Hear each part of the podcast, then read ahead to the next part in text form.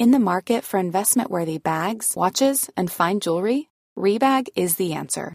Rebag is a luxury resale platform where each piece is carefully inspected by experts to ensure quality and authenticity. Use Rebag to buy and sell finds from the world's top brands, including Louis Vuitton, Chanel, and Cartier. Head to Rebag.com and get up to 15% off your first purchase as a member with code REBAGNEW. Shop today at Rebag.com. That's R E B A G.com. And use promo code REBAGNEW for up to 15% off your first purchase as a member. Hey, it's Ryan Reynolds, and I'm here with Keith, co star of my upcoming film, If, only in theaters, May 17th. Do you want to tell people the big news?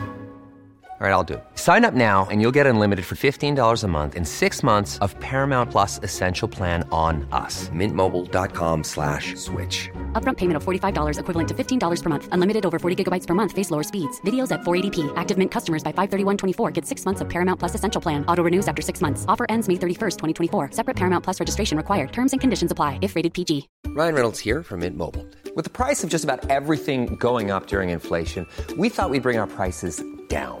So to help us, we brought in a reverse auctioneer, which is apparently a thing.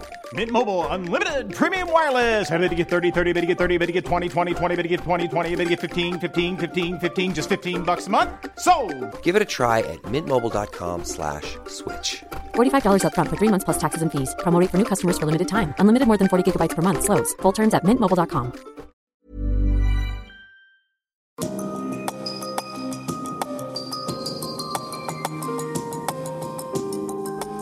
Du lytter til podkast fra Oslo Militære Samfunn.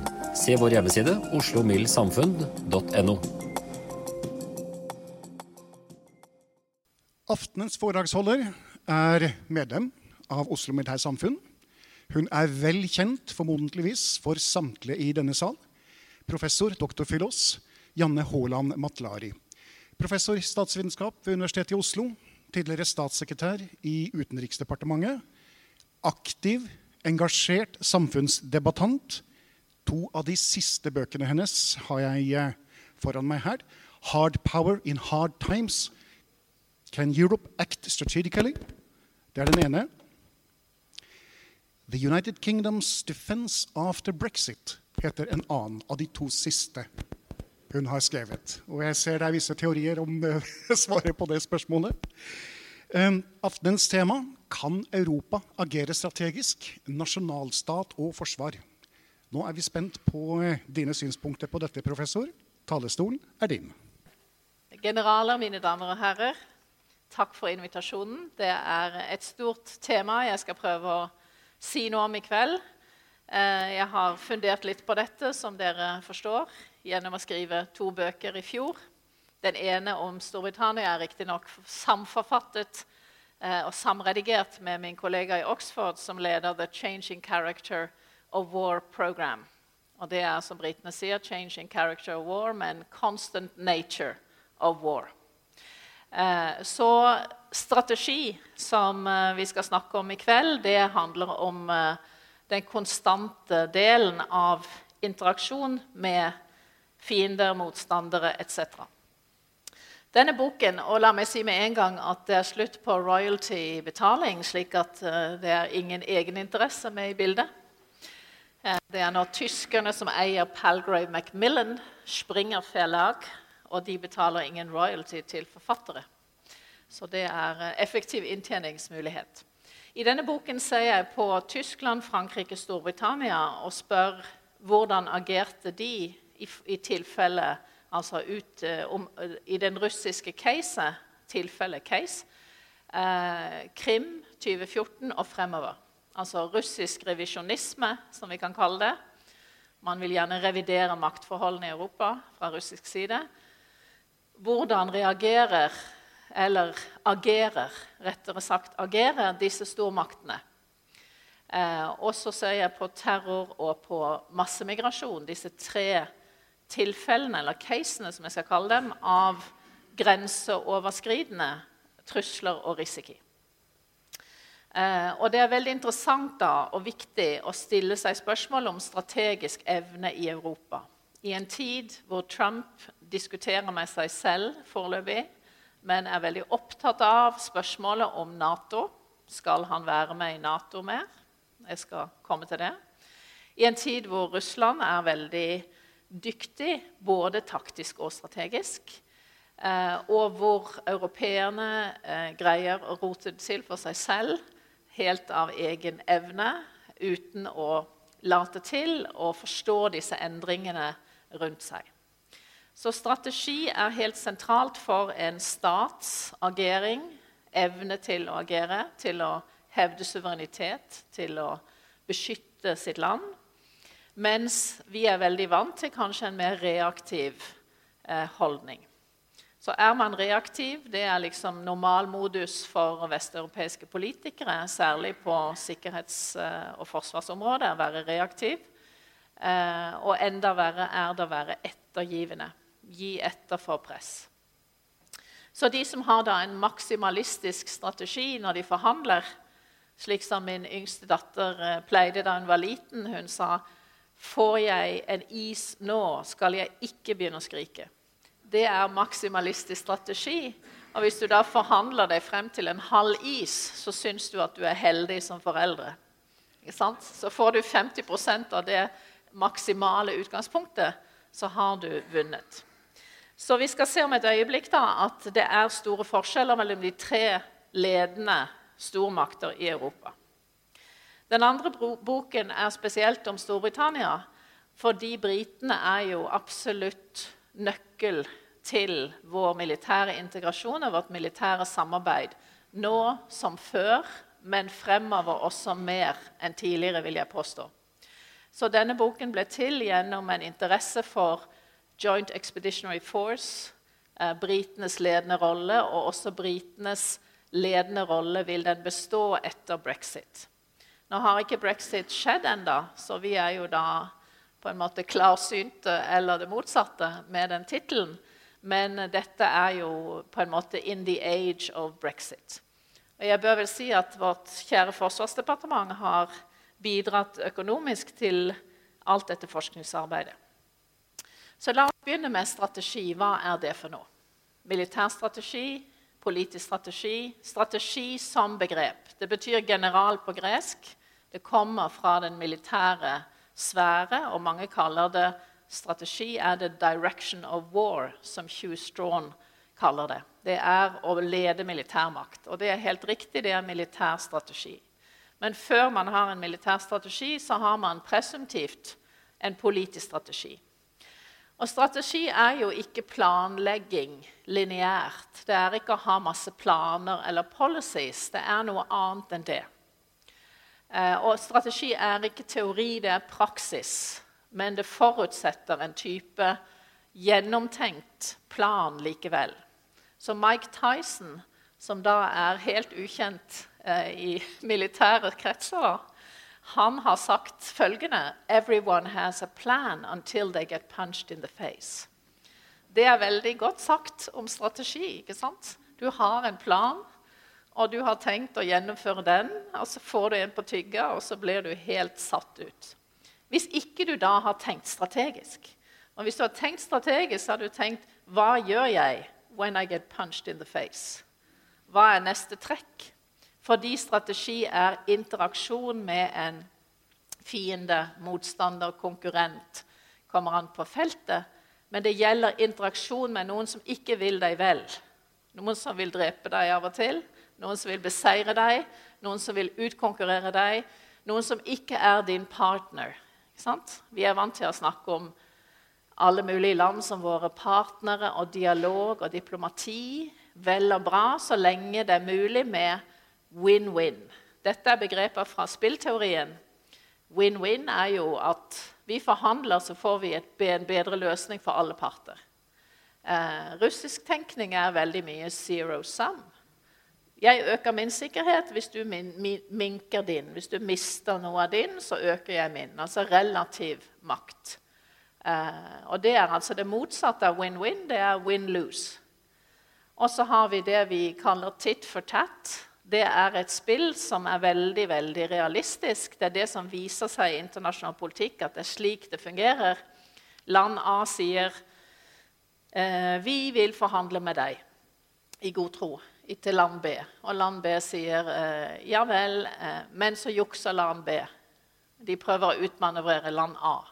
Og da skal du slå tilbake som land A med akkurat det samme spillet. ikke sant? Øye for øye.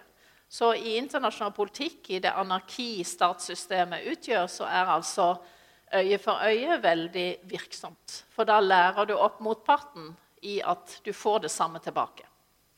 Clausewitz, som ikke trenger noen presentasjon, han understreker jo hele tiden at krigføring, militærmaktbruk, det er politisk aktivitet på den måte at det har en politisk hensikt. Man skal bøye viljen, den politiske vilje hos en motstander gjennom å beseire vedkommende eller utmatte eller utsyke vedkommende militært. Så det er en politisk hensikt. Og det glemmer jo politikere som snakker om det finnes ingen militære løsninger. Det er det dummeste jeg hører. Politikere sier det finnes ingen militære løsninger. Militærmakt er et virkemiddel som staten har. Det finnes økonomiske virkemidler, militære virkemidler. Og det finnes veldig ofte da, en politisk løsning kun fordi man har militært press, f.eks. Så det er altså mye mer komplisert enn bare å si politikk er her og militærmakt er der. Det skulle bare ta seg ut om det var slik. Hva kan europeiske land og andre land gjøre med den militærmakten sin? Vi har jo vært gjennom en lang lang periode nå, fra 1990 frem til la oss si 2010, eh, rundt 2010, 2008, hvor det var win-win, globalisering, demokratisering, utvidelser av Nato, EU, Europarådet. Alle skulle bli som oss. The end of history, som en kollega av meg på Harvard, Francis Fukuyama, formulerte det. Alt var oppe og avgjort. Det var ingen sikkerhetspolitiske problemer. Og så, fra 2008, når Nato i sin naivitet med den utvidelsen med Ukraina og Georgia tilbyr da utvidelse til disse landene opp mot Russland, og ikke har tenkt gjennom det strategiske implikasjonen av dette, som er artikkel 5-garanti til disse landene og vilje til å konfrontere Russland hvis Russland vil det. Det hadde man ikke tenkt gjennom i Washington. Dette var Bush som mente at man skulle bruke militærmakt for å bre ut demokratiet. Og Europeerne den gangen var jo eh, realistiske nok til å si dette er veldig farlig. Men de ble jo ikke hørt. Så etter 2008, hvor vi får også det norske nærområdeinitiativet, så får vi retur til Man er tilbake i det vil si, jeg vil si er normaliteten i statssystemet, nemlig usikkerhet at man ikke vet hva andre land egentlig vil. At man ikke kan regne med at de eh, vil være win-win interessert hele tiden. Så nå er jo dette ordet avskrekking, dette begrepet fra den kalde krigen, men som alltid har eksistert selvfølgelig i en eh, kamp mellom viljer, ikke sant? med en balansering av stater. Avskrekking er tilbake i Natos vokabular som helt sentral et helt sentralt begrep. Deterrence på engelsk. Det betyr å stoppe noen fra å gjøre noe. Og jeg sier at eh, Det beste spørsmålet for å teste om du avskrekker, det er altså oppfunnet av Ralf Rolf Kirkvaag jr. i denne sketsjen 'Ble du skremt nå?' Sant? Hvis du får skremt han der naboen oppe i Inn-Trøndelag med disse forskjellige triksene Hvis han blir skremt, så avskrekker du han, hvis han har tenkt seg å prøve seg på noe. Da vet han at han får et punch in the face fra deg. Så det er det subjektive. Det er ikke hva vi tror avskrekker, men det er hva som avskrekker f.eks. Russland i Europa. Og vi har to typer eh, avskrekkingsmodeller. Den ene veldig mye bedre enn den andre. Den ene heter snubletråd. Og den har vi i Nord-Norge, den har vi i Baltikum. Tripwire. Det er en lett avskrekking. Det er liksom billigvarianten av avskrekking. Som er politisk i veldig stor grad. Hvis du snubler inn i, inn i noen amerikanere i Baltikum, så kommer liksom det tunge skytset fra USA. Og sannsynligheten for det, det vet jo ingen, men det er altså eh, spørsmålstegn. Hva skal til for at det skjer. Denial er jo eh, vidunderlig sikkert hvis man har nok militærmakt til å vinne slaget.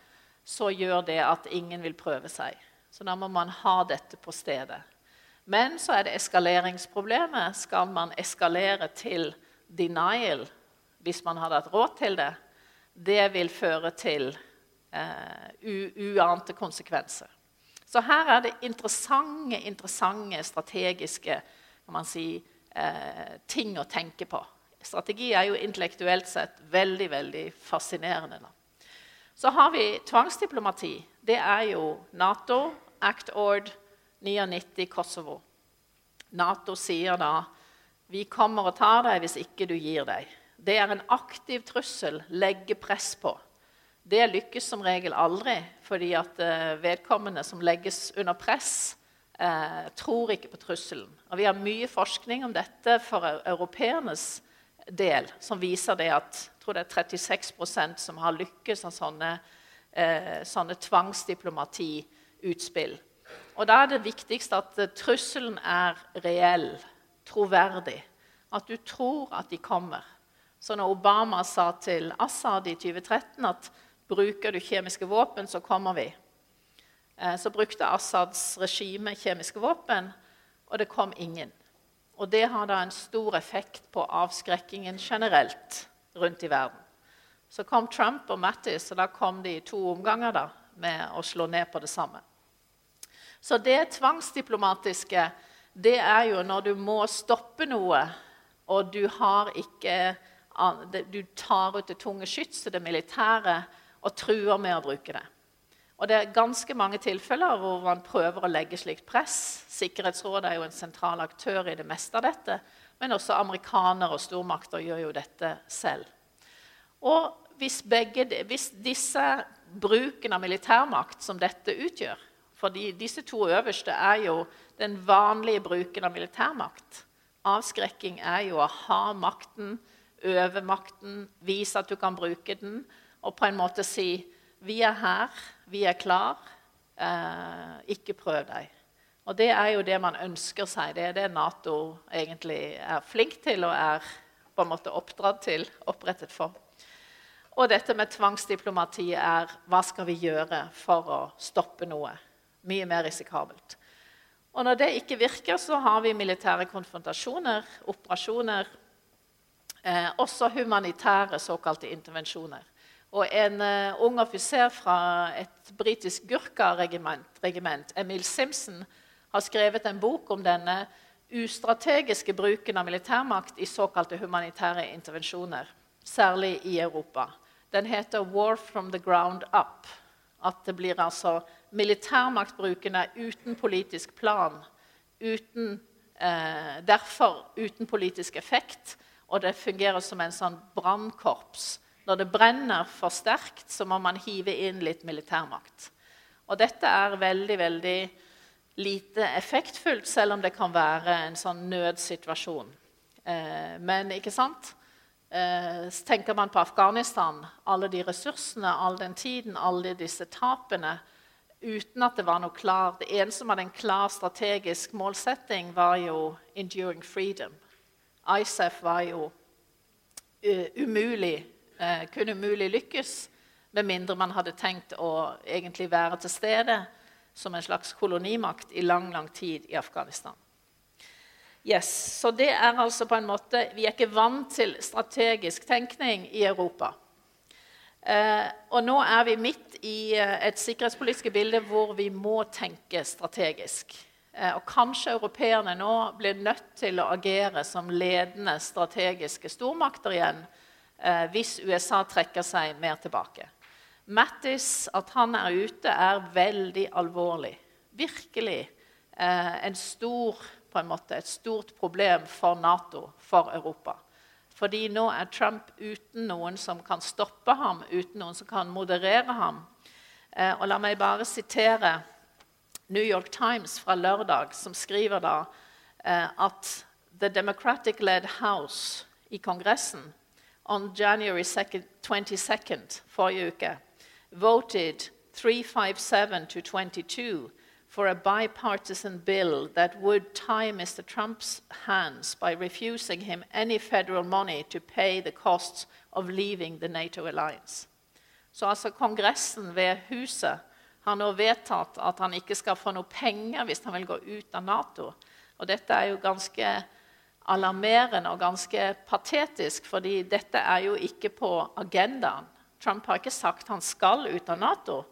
Men han har sagt, som de sier, og som vi har lest om, he has privately told senior administration officials that he wants to withdraw from NATO, viewing it as a drain on the United States. Veldig alvorlige saker. Og han har da det vi kaller foreign policy prerogative. Det betyr at han kan vedta dette selv. Og han sier at uh, Det står her at uh, lawyers uh, Many legal scholars say he can pull out of treaties unilaterally without Congress consent. But others say Congress has made clear that NATO is different. på hvilken måte er uklart. Så dette er en sånn alarmklokke som går i amerikanske kongressen for tiden. Og senatlederen Mitch McConnell han, er, han sier da at uh, despite this, står det, there is no sign that Mitch McConnell, the Senate majority leader, would stop such a move if Mr. Trump were to make it, as he has repeatedly threatened to do. Så at det, dette er på en måte et slags slag i luften, sannsynligvis. Eh, men dette viser jo at frykten for at USA eh, trekker seg mer eller mindre ut av Nato, er ganske tydelig når man kan gjøre slike vedtak i Kongressen. Og selv om det ikke skjer, så er det tydelig, og det ser vi også i denne boken om Storbritannia, at trenden er nasjonalstaten og ikke internasjonale organisasjoner. Altså det er staten, stater som finner hverandre i felles risikobilde, derfor felles militært samarbeid. Eh, og vi har da USA-Polen, USA-Storbritannia, special relationship. USA-Norge vil vi gjerne ha et special relationship.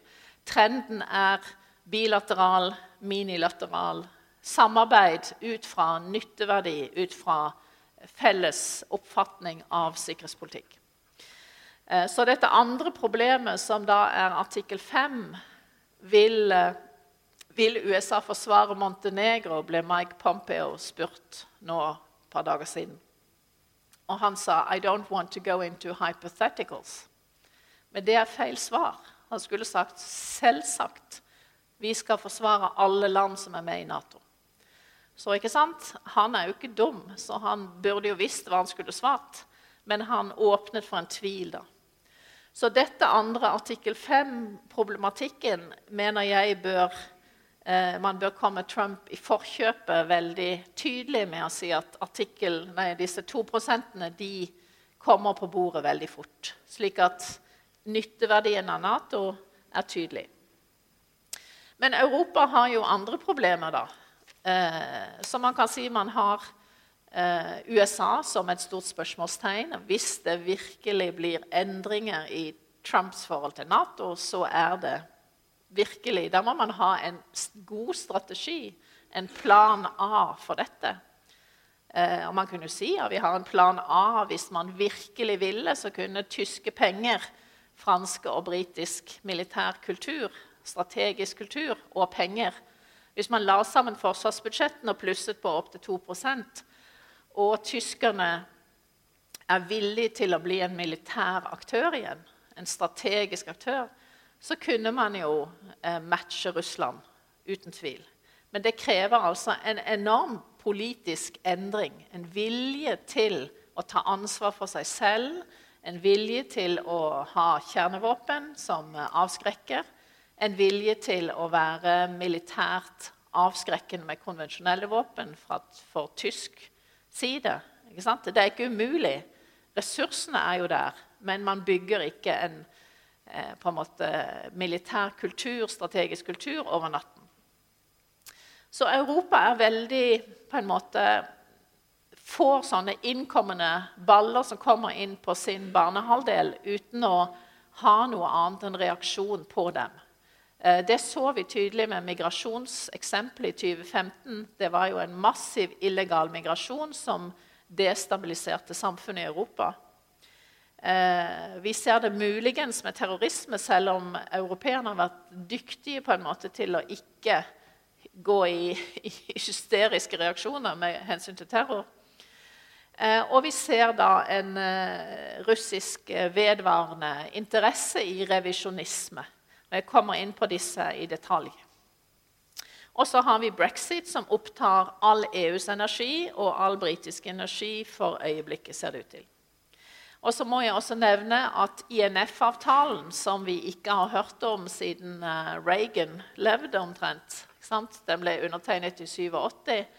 Reagan-Gorbatsjov, som uh, forbød mellomdistanseraketter mellom 500 og 5500 km rekkevidde. Denne avtalen er jo ikke plutselig, men den er nå oppe på en måte på bordet igjen fordi Russland eh, utplasserer slike raketter, sier amerikanerne og sier alle fagbladene. og Mitt favorittblad på denne sektoren heter jo selvfølgelig Janes Defense. Eh, men altså hvis du ser på kildene, så er det eh, veldig klart at USA har vært ganske tålmodig en god stund, flere år, om dette. Og nå går denne fristen ut 4 februar, dette 60-dagersfristen for Russland til å trekke tilbake alle sine mellomdistanseraketter.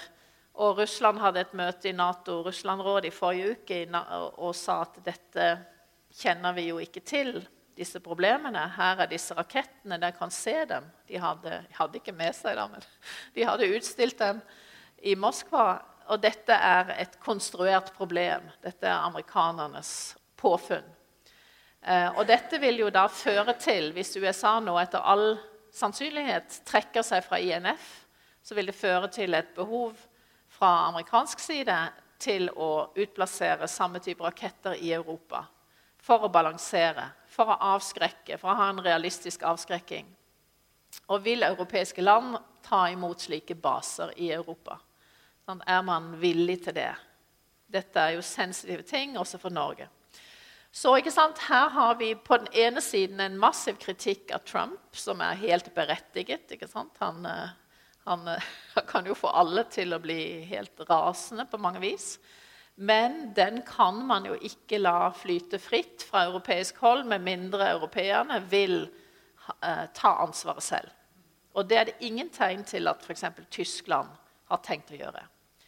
Eh, og så kommer INF på toppen, som vil da føre til samme type konflikter som vi hadde på slutten av 70-tallet, med utplassering av Pershing og alle disse enorme problemene i Europa, hvor europeerne ikke vil høre om kjernevåpen, og amerikanerne sier ja, men det er jo i deres interesse, dette. Det handler om Europa. Det handler jo ikke om oss. Det er ikke langdistanseraketter det handler om. Så jeg tenker at uh, interessant blir det i alle fall. Og i tillegg kommer da også i forrige uke en uh, feiring av Élysée-traktaten, som var fransk-tysk. Og det var jo flott å feire den. Men den uh, kom jo med da en deklarasjon om en Europa her. Fransk, Merkel og Macron. Og de har jo gjentatt dette flere ganger. Det begynte med Armistice Day 11.11., hvor Macron sa dette foran uh, Trump. og kritiserte også Trump for nasjonalisme. Og så kommer dette igjen nå som en, eh, en, avtale mellom disse to ledende land i EU. Og dette kunne være på en måte gode nyheter, men det er veldig dårlig timing, veldig dårlig nytt, fordi dette er retoriske poenger. Det er ingen realitet i det. Så ved at Trump nå hører fra Europa at det skal opprettes en Europa her i EU, så får jo han absolutt ingen motivasjon for å holde på Nato. Hvis europeerne selv ikke vil vil ha dette Nato, da, så hvorfor skal jeg drive og betale for det?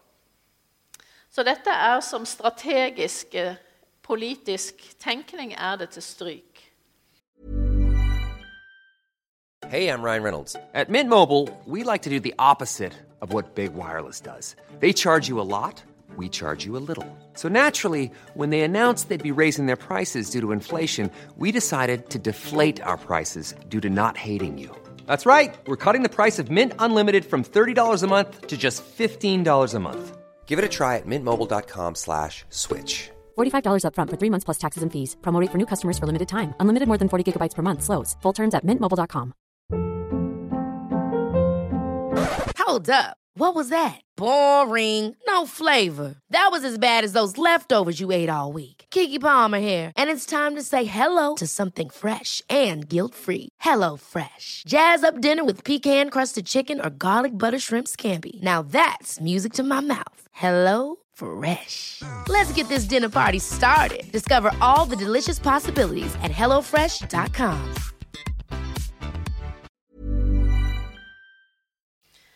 Så da, hvem av nasjonalstatene har vi som vi kan på en måte bygge på? Hvem er det som har en forståelse av at de er en nasjonalstat som må hevde suverenitet, som må bidra til maktbalansering og avskrekking? Dette er gammeldags realpolitikk, om man vil. Dette er jo slik det var. Europeisk politikk handler om stormaktenes politikk. handler ikke om småstatene som fikk suverenitet mye senere ofte, og som måtte ha en sikkerhetsgaranti fra en stormakt for å beholde suvereniteten. Hvis man ikke da ble enige om at stat A og stat B skal være nøytral, slik som er Sveits. Så Norge hadde jo sikkerhetsgarantien fra det kongelige kongehuset fra 1905. Britisk sikkerhetsgaranti. Eh, så jeg mener ikke at, skal, at, vi skal tilbake til stormaktspolitikken, men det er da et faktum at stormaktene har de militære ressurser og er i stand til å lede, slik at vi andre må plugge oss inn i stormaktssammenhenger. Eh, og vi definerer ofte da en strategisk militær kultur som da eh, evnen da til å ta risiko, ta tap, tenke interaksjon Tenke altså det motsatte av win-win. Vilje til å lede i slike koalisjoner. Eh, altså vilje til å drive med sikkerhetspolitikk, forsvarspolitikk, eh, seriøst. Sant?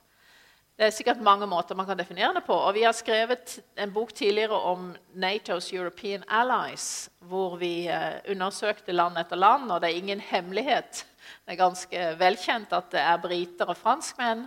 Så er det polakker som bygger seg opp militært og er veldig opptatt av viktigheten av det militære. Så er det dansker og nordmenn. Vi har en militær kultur, vi har en kampkultur. Eh, Nederland, vil jeg si. Og så er det jo nesten ingen flere. Det er deler av kanskje alpejegere her og spesialstyrker der. Men det er jo ingen av de andre europeiske landene som utmerker seg. Serbia kanskje i tillegg. Jeg foreleste for serbiske, på det serbiske militærakademiet. Sa at dere har jo en militær kultur i dette landet. Eh, så kanskje dere skal komme inn i, mer inn i EU og kanskje Jeg vil ikke si Nato, da. Det var litt langt. Men kom inn til oss, liksom. Vi trenger militærkultur i Europa. Jeg vet ikke om de ble smigret av. Men ikke sant? dette er noen få land.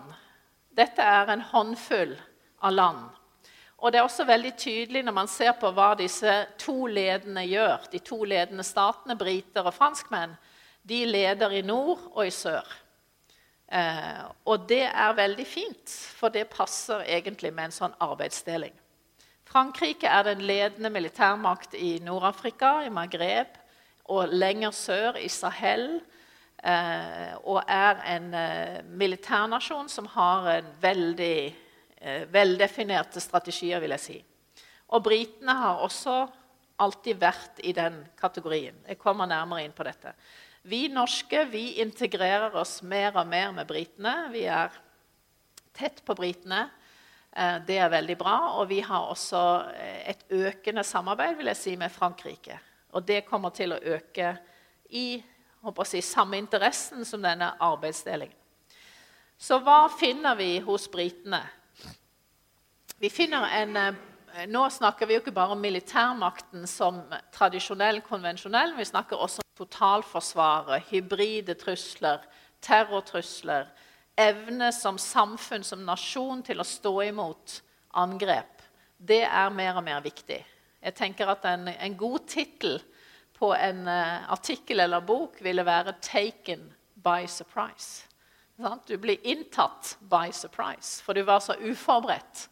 Så skjedde det plutselig et hybridangrep, eh, kanskje med cyber, som satt ut eh, alle blogg bloggerne. da, Så var det mange unge jenter som ville bli helt taken by surprise. Forvirret, helt deprimert.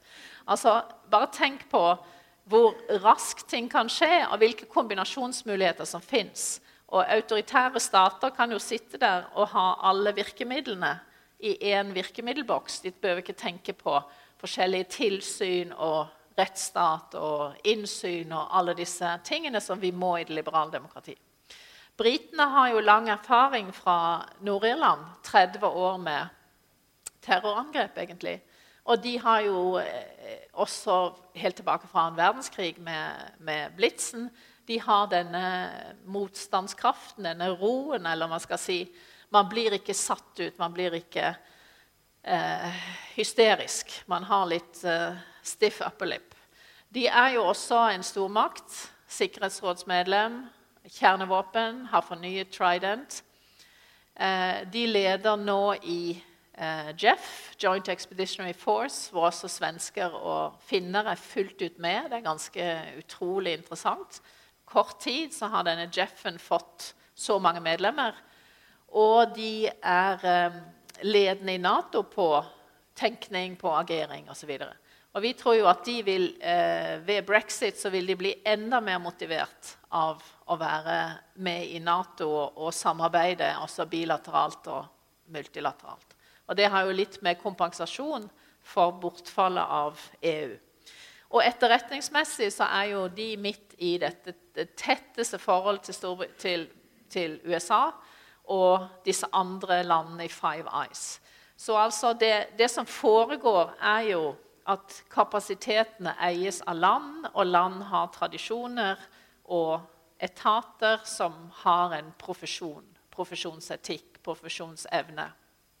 Så etterretning er jo ikke noe man kan si nå skal EU ha etterretning så vi vedtar dette, nå skal vi bare ha EU-etterretning. Det vil jo aldri fungere, for det er basert på tillit, historie, tradisjon eh, osv.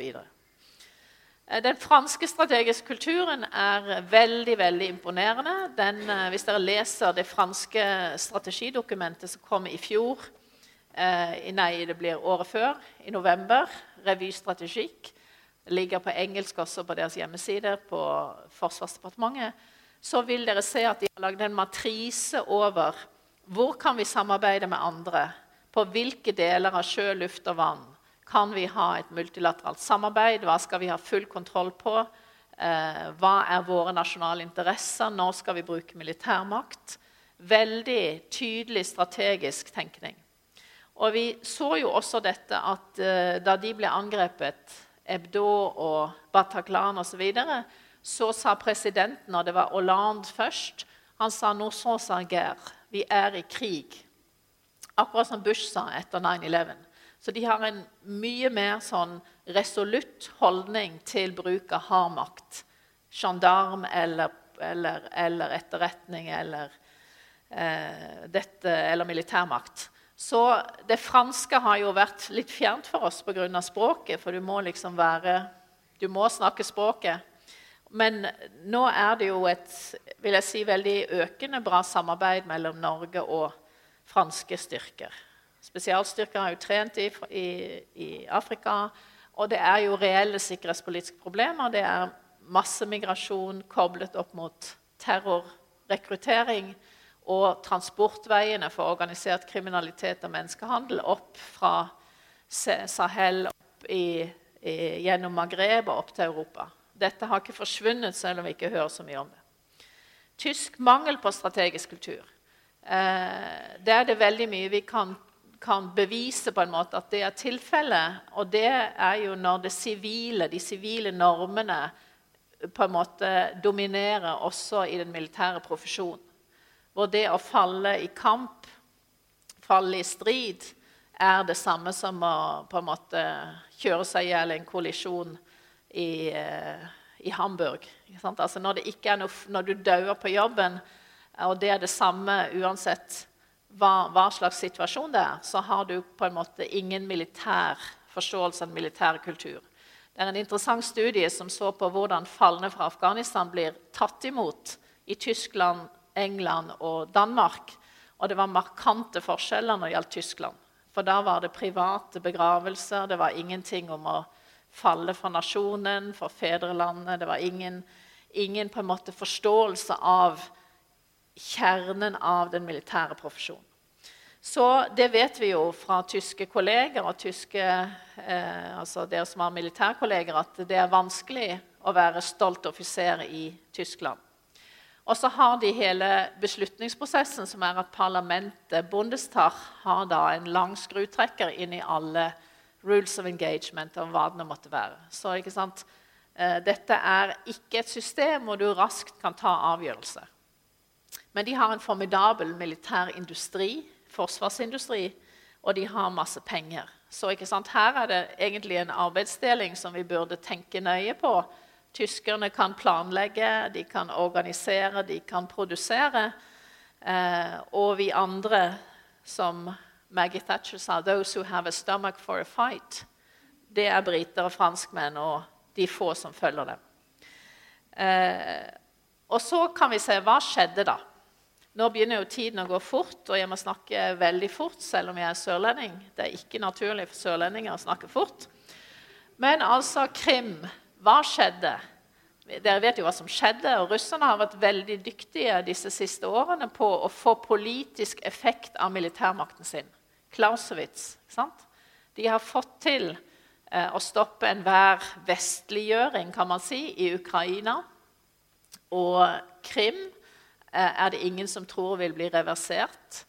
Og, og, Georgia før det er det ingen som orker å høre om. Det er ti år siden var tiårsmarkering i fjor en gang, tror jeg. Eh, Baltikum er sånn. Baltene er jo redde for å bli lagt under press. Eh, og jeg kaller det heavy metal diplomacy. Så det er jo liksom Det er en type Det er ikke sånn stridsvogner på grensen, men det er mer salami. Hva er mulighetene? For politisk innflytelse. Det, er, det det gjelder, er politisk innflytelse. Og det som er eh, hovedanliggende, er jo å unngå dette liberale demokratiet. Det er det siste man ønsker seg. Og Russland har jo også forstått at der du går inn militært og setter deg som i Syria, så får du politisk innflytelse. Det er jo den geopolitiske innflytelsen. Eh, og jo mer rot det er i Europa og i USA, jo mer muligheter er det med forskjellige virkemidler. Og strategisk så tenker jeg at det lure er jo Selvfølgelig er det ikke lurt å utfordre artikkel 5. For det er så risikabelt, selv om du kan vinne enormt politisk på det. Stor risiko, stor gevinst. Veldig fristende, kanskje.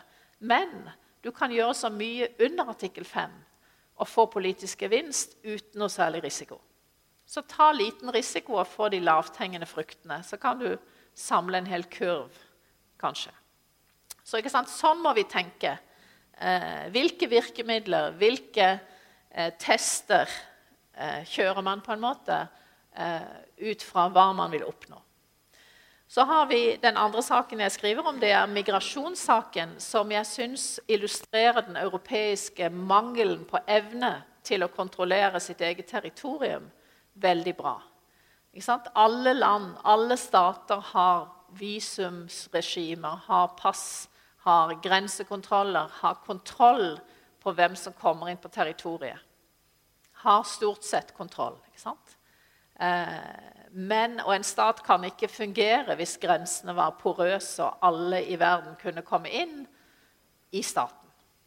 Og det er noe veldig interessant med dette med, med, grenser for stater. At det er blitt et sånt ekstremt politisk ukorrekt tema i Europa. Ikke for Norge, kanskje. Vi er jo opptatt av grensene i nord, og at vi holder grensekontrollen i nord. Eh, vi har jo også på en måte, Vi er, vi er ikke veldig sånn eh, redde for å snakke om grenser, men hvis du drar til Sverige, så er jo dette et tema man ikke kan snakke om. Illegal Illegal det er jo kriminelt. Migrasjon det er økonomisk motivert eh, reisevirksomhet. Hvorfor er det vanskelig å da kontrollere og eventuelt stenge en grense? Jo, dette er blitt veldig vanskelig. Så vanskelig at Tyskland med Merkel ikke fikk seg til å kontrollere tyskegrensen, men måtte betale Erdogan. Så nå er vi i en situasjon hvor disse Libya og Erdogan betales for å stoppe migrasjon, som er økonomisk veldig veldig lukrativt for smuglerne, og som er veldig interessant for de som tar, betaler for å komme seg til Europa. Og dette sier man det er 60-70 millioner som gjerne vil komme opp, kanskje mye mer. Så dette vil ikke forsvinne. Og dette er et eksempel på hvordan Europa ikke har taklet dette strategisk i det hele tatt ved å gjøre seg avhengig av disse regimene i, i, i nord, eh, altså nedenfor Europa. Så har vi terrorisme. Her, her, kan man jo si at dette har direkte med grensekontroll å gjøre. Og Siden tiden nå går, så skal jeg gå rett på konklusjonene. Hvem handlet strategisk? Eh, det er jo da I terrorcaset så er det jo britene som er veldig klare på dette, også Frankrike. Og i eh, kampen mot ISIL var det jo Tyskerne var jo med på en, en uvanlig måte med å utstyre en hel brigade, da, men de var ikke med i kampene selv. Så det var britene, franskmennene og noen andre som oss under amerikansk ledelse i en koalisjon. Eh, og Frankrike er jo den absolutt ledende aktør, som jeg sa, i, eh, i eh, MENA, Middle East, North Africa, Maghreb-området på dette. Og dette er et felt hvor EU ikke hadde en, en rolle. Nå ser jeg at det har forsvunnet ut noe her. av konklusjoner, men da skal jeg si litt om eh, hva som skjedde på, i dette caset. De som ledet an her, var jo ikke britene i første omgang, fordi britene var veldig borte fra den internasjonale arena i, 2014, i 2015 pga. valget og i 2016 pga. brexit-avstemningen. Men fra 2017 har britene vært veldig ledende i forholdet til Russland. Eh, Frankrike var ikke interessert i noe konflikt med Russland. Som et gammelt partnerland med Russland så ønsket man jo bare å fortsette dette forholdet. Og dere husker disse krigsskipene som måtte kanselleres all, i aller siste øyeblikk. Eh, og så har vi da Tyskland, hvor Merkel kunne snakke med, og kan snakke med Putin både på russisk og tysk, og gjorde det. Men det interessante i det forholdet er jo da at Minsk-forhandlingene egentlig ikke var en forhandling fordi den ene parten, Russland, hadde kontroll i stor grad på bakken. Skulle man ha, Skal det bli mer kamper eller ikke? På en måte, Russland var nabolandet som hjalp Ukraina offisielt sett. Men reelt sett så var det fakta på bakken som kunne flyttes på i forhandlingene. Så de som har studert uh, disse forhandlingene, sier at det, snakk, det var snakk om våpenstillstand-forhandling, ikke om reelle forhandlinger. Og Der kommer jo dette med 'ingen militær løsning', uh, dette mantraet inn. fordi at hvis, man, hvis de reelle maktforholdene har med militærmakt å gjøre på bakken, så kan man ikke si at vi gjør diplomati, og vi har ingenting med det å gjøre. Vi forholder oss ikke til militærmakten. Vi har den ikke selv på plass. Vi ønsker ikke å bruke den. Eh, og vi ønsker ikke å gi noe mer militærmakt til den ene siden, f.eks. Altså Ukraina. Og så er det interessante konklusjonen er jo da at det var USA som agerte i, eh, i case Russland. Sanksjonene var amerikanske. De var påtvunget EU. Dette var Obama, ikke Trump. Eh, avskrekkingstankegangen opprustning i Europa, eh, mer amerikanske styrker til Europa, det var amerikanerne. Så de plan, på en måte, det var de som designet hva man skulle gjøre med, eh, med både, i både Baltikum og i Øst-Europa. Så det forteller oss jo noe om ledelse, da, at det er USA som sto for dette. Um, og jeg tenker at Det vi står overfor i Europa, det er jo ikke da eh, okkupasjon, krig, konvensjonell krig. Altså det er ikke eh, i, altså Risikoen for artikkel 5-type operasjoner er lav, heldigvis. Fordi den, eh, det ville være veldig ustrategisk å komme i den situasjonen. Men eh, risikoen for under artikkel 5-situasjoner, som igjen det handler om politikk Hva vil man oppnå? Destabilisering av liberalt demokrati. Eh, finlandisering, som vi husker. Eh, enda mer eh, den type ting. Det betyr jo da at alle disse virkemidlene som har med ikke bare Russlands eh, og Kinas på en måte aktivitet å gjøre, men også eh, migrasjon og terrorisme kan føre til destabilisering. Så man trenger å tenke, tenke strategisk om mottiltak. Hvordan møte destabiliseringsforsøk. Så man trenger å tenke strategi, avskrekking, artikkel 5 og alt det der veldig alvorlige. Og hele spektrumet ned eh, av mindre alvorlige virkemidler. Eh, og de strategiske mål her var jo å avskrekke revisjonisme, av avskrekke migrasjon ved disinsentivet, f.eks. gjøre noe med asylsøkemuligheten. Eh, og da eh, terrorisme. Der kan man ikke avskrekke, men må, må bekjempe gjennom etterretning, gjennom grensekontroll. Så dette var liksom den ene boken, og her ser dere konklusjonene. Og til slutt kommer jeg nå til da, det som jeg har fått brukt denne fine tittelen 'Taken by surprise'. Og da mener jeg i dette tilfellet rett og slett at bruk av militærmakt i dag er noe som ikke tar lang tid, ikke som, har, som, ikke har lang varslingstid, hvis i det hele tatt. Og dette har med teknologisk utvikling, men det har jo også med at man bruker militærmakten for begrensede formål. Det kunne være at man uh, ville teste norsk reaksjonsevne på Svalbard, f.eks. Plutselig er det noen grønne menn i Barentsburg. Eh, hvem er de? Nei, de, ingen vet hvem de er. Eh, og så vil man si ja, hva gjør eh, Norge, da? La oss si de har uniformer som på Krim, men de har ingen flagg. Ja, hva, hva gjør Norge, da? Det vil jo være en lavrisikotesting, egentlig. Og så kunne man si ja, de kommer en gang til, men da har de flagg. Det er en høy risikotesting, men kanskje ikke så høy likevel, fordi Svalbard er så perifert i Nato. Hvor lang tid tar det før Norge bestemmer seg? da? Hva gjør man da?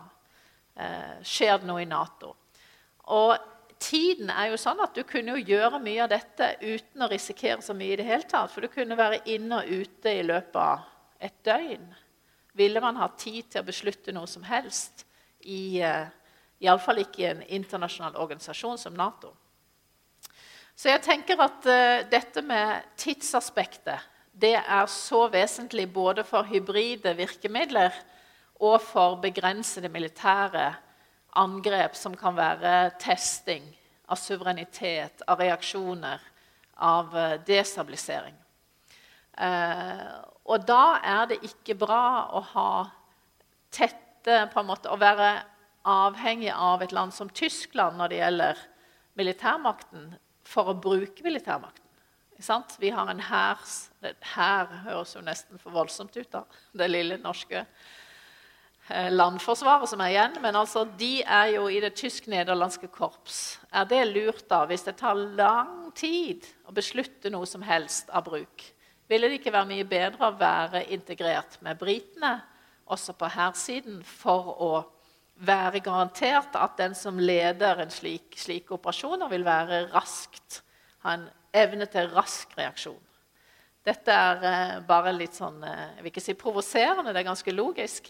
Eh, men altså tidsaspektet, det at man ikke kan ha lange demokratiske parlamentsbaserte prosedyrer, veldig vesentlig.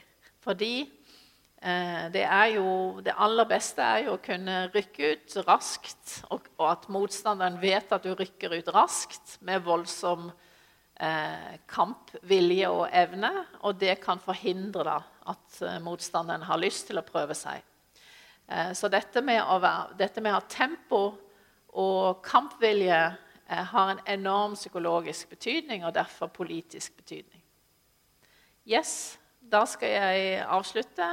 Jeg vet ikke om du har sagt fem minutter, men det burde du kanskje ha gjort. Min klokke er fem på syv.